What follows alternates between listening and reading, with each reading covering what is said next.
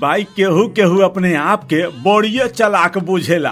बाकी कबो कबो यह चलाकी उनका ऊपर बड़िए भारी भी पड़ जाला। बिग एफ़ एम पॉडकास्ट नमस्कार हम है आरजे चोखा आ रउआ सुन रहल मानी गोनू झा के गुदगुदाते किस्से। जे हमें आज हम रउआ के सुनाई पंडित नाव और गोनू झा का कहानी। भाई गोनू झा के गाँव में फेरन मिश्रा नाम का एगो खोबर ढनाद ब्राह्मण रहता है मिश्रा जी के पास रुपया पैसा का कौनो कमी ना रहल, आ गोनू झा से भी उनकर बड़िए निम्मन पटत रहा है। एक बार मिश्रा जी के बाहर के कौनो गाँव में कथा बाँचे जाए के रहल। कथा एगो बड़का सेठ के घरे रहल, जहाँ से खूब ढेर सारा रुपया पैसा दक्षिणा मिलत रहल है। मिश्रा जी, साल में चार पाँच बेरा वहाँ कथा कीर्तन तक कहवाई देत रहल है। अरे, ढेर सारा माल मुद्रा पहले के चक्कर में दक्षिणा ले के चक्कर में, आ जहाँ माल मिली, वहाँ ऐसा चक्कर तई पलब करी है। मिश्रा जी के उम्र अधेड़ हो गई रहल बाकी रहल एकदम में रंगीन मिजाज के। सज संवर के रहल उनकर एकदम में शौक रहल। है बाकी मिश्राइन से यह बात के लेकर इनकर तू तू बे में अक्सर हो जात रहे। मिश्राइन के हरदम यह संदेह रहत रहल कि सज संवर के जौन बहरा जाले, ज़रूर कोनो से चक्कर बा, कोनो न कोनो गुल खिला रहल बाणे यही मारे खूब बुढ़ौती में भी सज संवर रहल बाणे खैर उ दिन कथा में जाए से पहले मिश्रा जी आपन जब चेहरा देखल तो दाढ़ी मोछ बढ़ल लौकल। वो सोचल काहे न चेहरा चमकाई, फिर जाई। और यही मारे उ जोरावर नाव के बुलावा भेज दल जोरावर नाव रहल तो बड़का काइया। बाकी वो इहो जानत रहे कि मिश्रा जी के कितनो सेवा कोई देव कितनो चेहरा चमका देव बाकी चमन्नी मिले वाला तो एकदम नाबा हरदम मुफ़्त में दाढ़ी मोछ बनवावे लेकिन का करे भाई? गाँव के बात रहल। अनमना मन से औज़ार लेके मिश्रा जी के दरवाज़ा पर पहुँच गए आवाज़ रावर आवा का हो, का हाल बा? अब बैठा। तोहरे पास एक घंटा का टेम बा।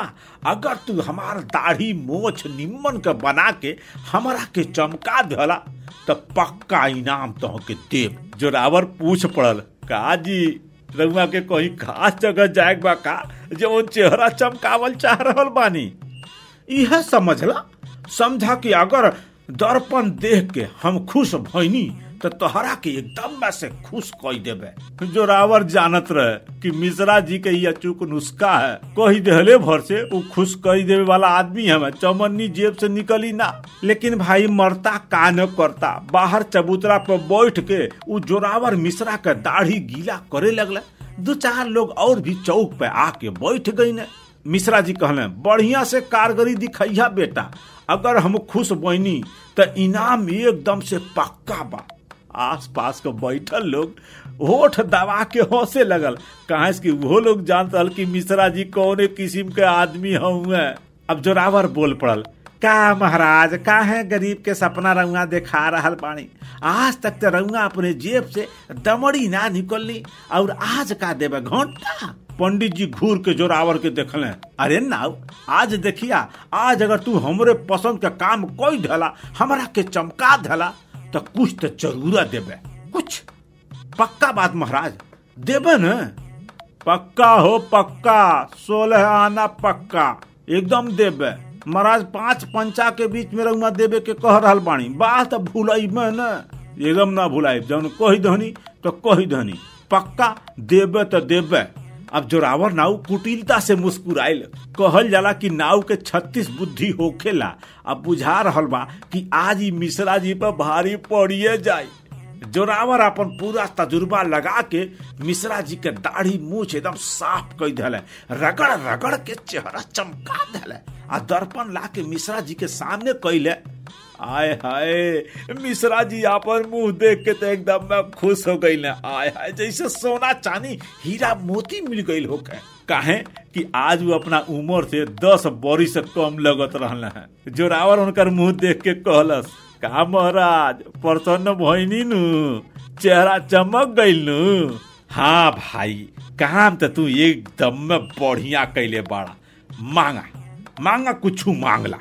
रहे दी महाराज अब का हम मांगी। अरे नहीं जो रावत, मांगा मांगा कुछ मांगा। हम देवे के तैयार बानी। तो महाराज, यह कुछ दे दी। कुछ का मतलब? अभी तो रउआ जानिए महाराज। रउआ कहते कि कुछ देवे कुछ देवे तो हमें वह कुछ दे दी। अरे जोरावर ई का अंट संट बक रहल बड़ा। कुछ के कोनो मतलब हो कि न? बतावा, का होला? दस रुपया, पाँच रुपया, पचास रुपया, का हो होखला? पाँच सौ रुपया महाराज पाँच सौ दे या तो कुछ दे। हे जोरावर पगला नहीं गिल बाड़े हैं? पाँच सौ रुपया होला दाढ़ी मुझके बनवाई। तब महाराज तब कुछ दे दी। अरे कुछ का मतलब का होला? जोरावर बताओ सही सही अरे सही बात बताओ हम दे देता नहीं दो चार रुपया। नहीं महाराज या तो पाँच सौ रुपया दें या तो कुछ दें। नहीं तो पंचायत में चल के मुकर जाए कि हम कुछ कहल ही ना रही हैं। आज पहली बेरा मिश्रा जी फ़सल रहल मिश्रा जी काट के उल्लू बन के रह गई ने। कहा कि जोरावर नाउ इतना कहला के बाद अपन सामान समेट ले, बक्सा बंद कैले और राह अपन पकड़ ले यहर मिश्रा जी काट के उल्लू बैठ के नाव के जात देखत रहल मन में सोचत हन, अरे मंगले हो तो दस, पाँच, बीस, पचास दे देने होती। अभी तो ससुरा कुछ माँगता या तो पाँच सौ रुपया माँगता। हम दे तो कहवा से दी। आ का भरोसा हो नाव के? पंचायत में बोला के हमरा के बेइज्जत कई दे। अब आज मिश्रा जी के तो मन तो ना लगल रहल। कहाँ की आज जबर फंस गई रहल जो रावर नाव के चक्कर में। मिश्रा जी जैसे तैसे कपड़ा लत्ता पहन के कथा बाँचे निकल गई ने। आ जहाँ कथा बाँचे गई ने, आज उनके भाषा में वो जोश ना रहे वो उमंग ना रहे, कहानी में वो रौनक ना रहे। ए मारे, दक्षिणा भी कम मिलल चढ़ावा भी कम आयल अब इनकर मन तो एकदम में दुखी हो गई। अब वहाँ से कैसो कथा बाँच के चल ले मन मन सोचते रहना कि आज गजबा फंसा दिला ई जोरावर नौगा। अब राह में उनका से मिल गई पलटन झा। प्रणाम महाराज जी, ई का झाड़ लौंगा पाल रहनी है? का का भइल हो? पंडित जी के दिल एकदम धड़ाधड़ धड़के लगल। ये कहीं की पसली से टकराए लगल। पसली ना रहत तो दिल इतना ज़ोर कूदत रहल कि सीना से बहरे आ जात। अब मन मनी कहे लगल कि उ ससुरा नौगा सारे गाँव में कहत फिर रहल बा। बढ़िया बेज्जत करा दी हो बुझा रहल बा पंचायत में। शिव शिव शिव झा जी ई छत्तीसवा हमरा के एकदम में फंसा दल यह कहत के झा जी से मिश्रा जी सारा बात बता दल अब झा जी कहले कि मिश्रा जी, ई नौआ तो बढ़िया चलाक बा। रउआ के दोनों तरफ़ से फंसा दल तो अब का करी हो? हम तो गजबा फंस गई बुझाता कि पाँच सौ रुपया ई जोरावर नौआ के देही के पड़ जाए, और इतना रुपया तो हमारे पास बा नहीं अब नाई बात रउआ भुगती गजबा मनई के पाला पड़ल बाणी, उ नौआ चलाकी में रउआ के फंसा दहले बा। इतना कह के अब पलटन झा तो चल धले, बाकी मिश्रा जी एकदम में परेशान हो उठले। गाँव के तरफ़ पैर ना उठत रहे, राह ना सोझात रहे, अब जा तक किन्ने जा। अब चलत चलत में अचानक से गोनू झा का नाव इनके दिमाग में कौध गई। कहना, वाह वाह, अरे भाई, गोनू झा एगो बाड़ा जे हमरा के एह नौआ से छुटकारा दे सकल यह सोचत सोचत उनके घर के तरफ़ अपन कदम बढ़ा दिल संजोग के बात ई रहल कि ओही समय गोनू झा भी अपने खेत से घरे आयल रहने मिश्रा जी के देखते बोलने, प्रणाम मिश्रा जी आई आई, बैठी, हम तो रउआ प्रतीक्षा करत रही हैं। हमार प्रतीक्षा? अरे तहरा के कैसे पता बा कि हम तोहरा पास आई? अरे पता रहल। हो कांच के जौने समस्या में तू फ़सल बड़ा। हमरे सिवा के निकार ना सकेला वो समस्या में से। आवा बैठा, पानी पिया आराम करा। तो महाराज जब कुल जनता बाणी तो जल्दी से बताई ना कि ये समस्या से छुटकारा हमरा के कैसे मिली? गोनू झा कहले, मिश्रा जी रउआ बेफिक्र रही, कल पंचायत बैठे दी। हम वो अकलमंद नाव के ऐसा सबक सिखाए कि सारा होशियारी भूला जाई। रउआ एकदम चिंता न करी, मज़े से घरे जाई, भोजन पानी करी, आनंद करी, रात बिताई। कल पंचायत में भेंट होखी। मिश्रा जी गोनू झा का धन्यवाद कैले और चल दहले अगला सुबह भइल पंचायत बैठ गए। सर्वसम्मत से गोनू झा के सरपंच बनावल गए पंच लोग मामला सुनले। गवाह लोग पुष्टि भी कोई दहले कि नाऊ और मिश्रा जी के बीच का का बात भइल रहा गोनू झा कहले, मिश्रा जी बात तो सोलह आना सही है। खैर जोरावर बाबू, तनी हमारा खातिर एक गिलास पानी लेके आवा। बढ़िया ज़ोर के प्यास लगल बा। जोरावर थोड़ा सा डेरा तो रहले हैं। बाकी कुआँ पर गईले गिलास के पानी भर के लावे खातिर, गोनू झा खातिर। पानी अला के बाद गोनू झा गिलास में से एक घोट पानी पियले और गिलास थमा धले जोरावर नाव के। तो गोनू झा कहले, मिश्रा जी, रउआ एकरा के कुछ देवे के कहले रहनी। तो सुननी है कि रउआ ओकर व्यवस्था ना कर पैनी? मिश्रा जी कहले, सरपंच जी ऐसा ना है। जब हम वादा कैले रहनी, एकरा के देवे खातिर कुछ तो ओकर व्यवस्था हम कल कोई नहीं है।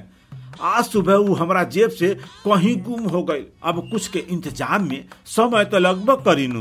तो कितना समय रहुआ मांग रहा बाणी मिसिर जी? गोनू झा ऐसी कहले। लगभग एक महीना लग जाई झाजी। का भाई जोरावर? तू एक महीना का प्रतीक्षा कोई सकेला? सरपंच जी हम तो आम आदमी हैं। अब यह बताएँ कि आज हम काम करी पैसा बादे में मिले तो हमार लड़के बच्चे कैसे पनिए रउआ सोच के बताई नु गोनू झा मिश्रा जी से पूछले कि का मिश्र जी रउआ अपन कुछ कहाँ गुम कोई धनी मिश्र जी कहना कि कहा बताही महाराज, सवेरे कुआँ पर नहाए गई नहनी वही हमार कुछ गायब हो गए। अब का करी? मिली तो हम देबे करबे। यही वक्त गोनू झा मौका देख के जोरावर से कहना, लावा हो जोरावर, पानी दा। जोरावर हाथ में गिलास ले खड़ा रहल। गोनू झा के तरफ़ जैसे बढ़ैलस रुक गई कहा कि गिलास के पानी में कुछ गिरल हल। गोनू झा कहले कि, का भाई जोरावर? पानी जा कहे रुक गईला जोरावर नाव कहले, महाराज, ए पानी में कुछ गिरल बा। हम दूसर पानी भर के ला रहा बानी। अरे, का गिर गई? पता नहीं महाराज, बाकी कुछ बा अजीब सा। तबले मिश्रा जी बोल पड़ने महाराज, कुछ गिरल बा तो पक्का हमारे हो क्यों खोई ना सकेला। कहा कि कुआँ पर हम स्नान करे गई हली, वही हमार कुछ गिर गई है अब जोरावर तो एकदम में सन रह गई तब गोनू झा कहले, निकाला भाई जोरावर। तोहर कुछ वही में बा। कहा की मिश्रा जी के कुछ कुआँ में गिरल लाल आ तू कुआँ में से पानी भर के लैला है। आ खुद कह रहा बड़ा कि गिलास में कुछ गिरल बा। तो वह कुछ है। ले ला ले ला, जा। खुश रहा। अपने घर जा। मगर महाराज मगर हम का बताए? महाराज, अरे अगर मगर कुछ मत करा। तो ही कहला है कि तोहके कुछ चाही मिश्र जी नाई दे रहल बाड़ा, त कुआँ में से कुछ निकलल मिल गई अभी कुछ ला जा, आनंद करा, खुश रहा। अब जो जोरावर तो एकदम चुप। फंस गई तब फंस गई इत अपने आप के बड़ा चलाक नाव बुझत रहना छतीसा बुझत रहना बाकी गोनू झा के आगे केकर बुद्धि चल सकेला भाई। अब इहो मन में सोचे लगल कि भाई जौने बात से हम पंडित जी के, यानी कि मिश्रा जी के फंसैनी वही बात से हम खुद फंस गए नहीं अब रोवासा मुँह हो गए। चुपचाप चल दहले, अब पंचायत के लोग भी अपना अपना घर चल दहले। तो भाई गोनू झा, पंडित जी और नाव का कहानी यही समाप्त हो रहा बा। फिर मिल जाई एगो नया कहानी के साथ। जोने में थोड़ा हँसी हुई, थोड़ा गुदगुदी हुई। अब दी आज्ञा निमन निमन बढ़िया बढ़िया कहानी खातिर सुनत रही चोखा का पॉडकास्ट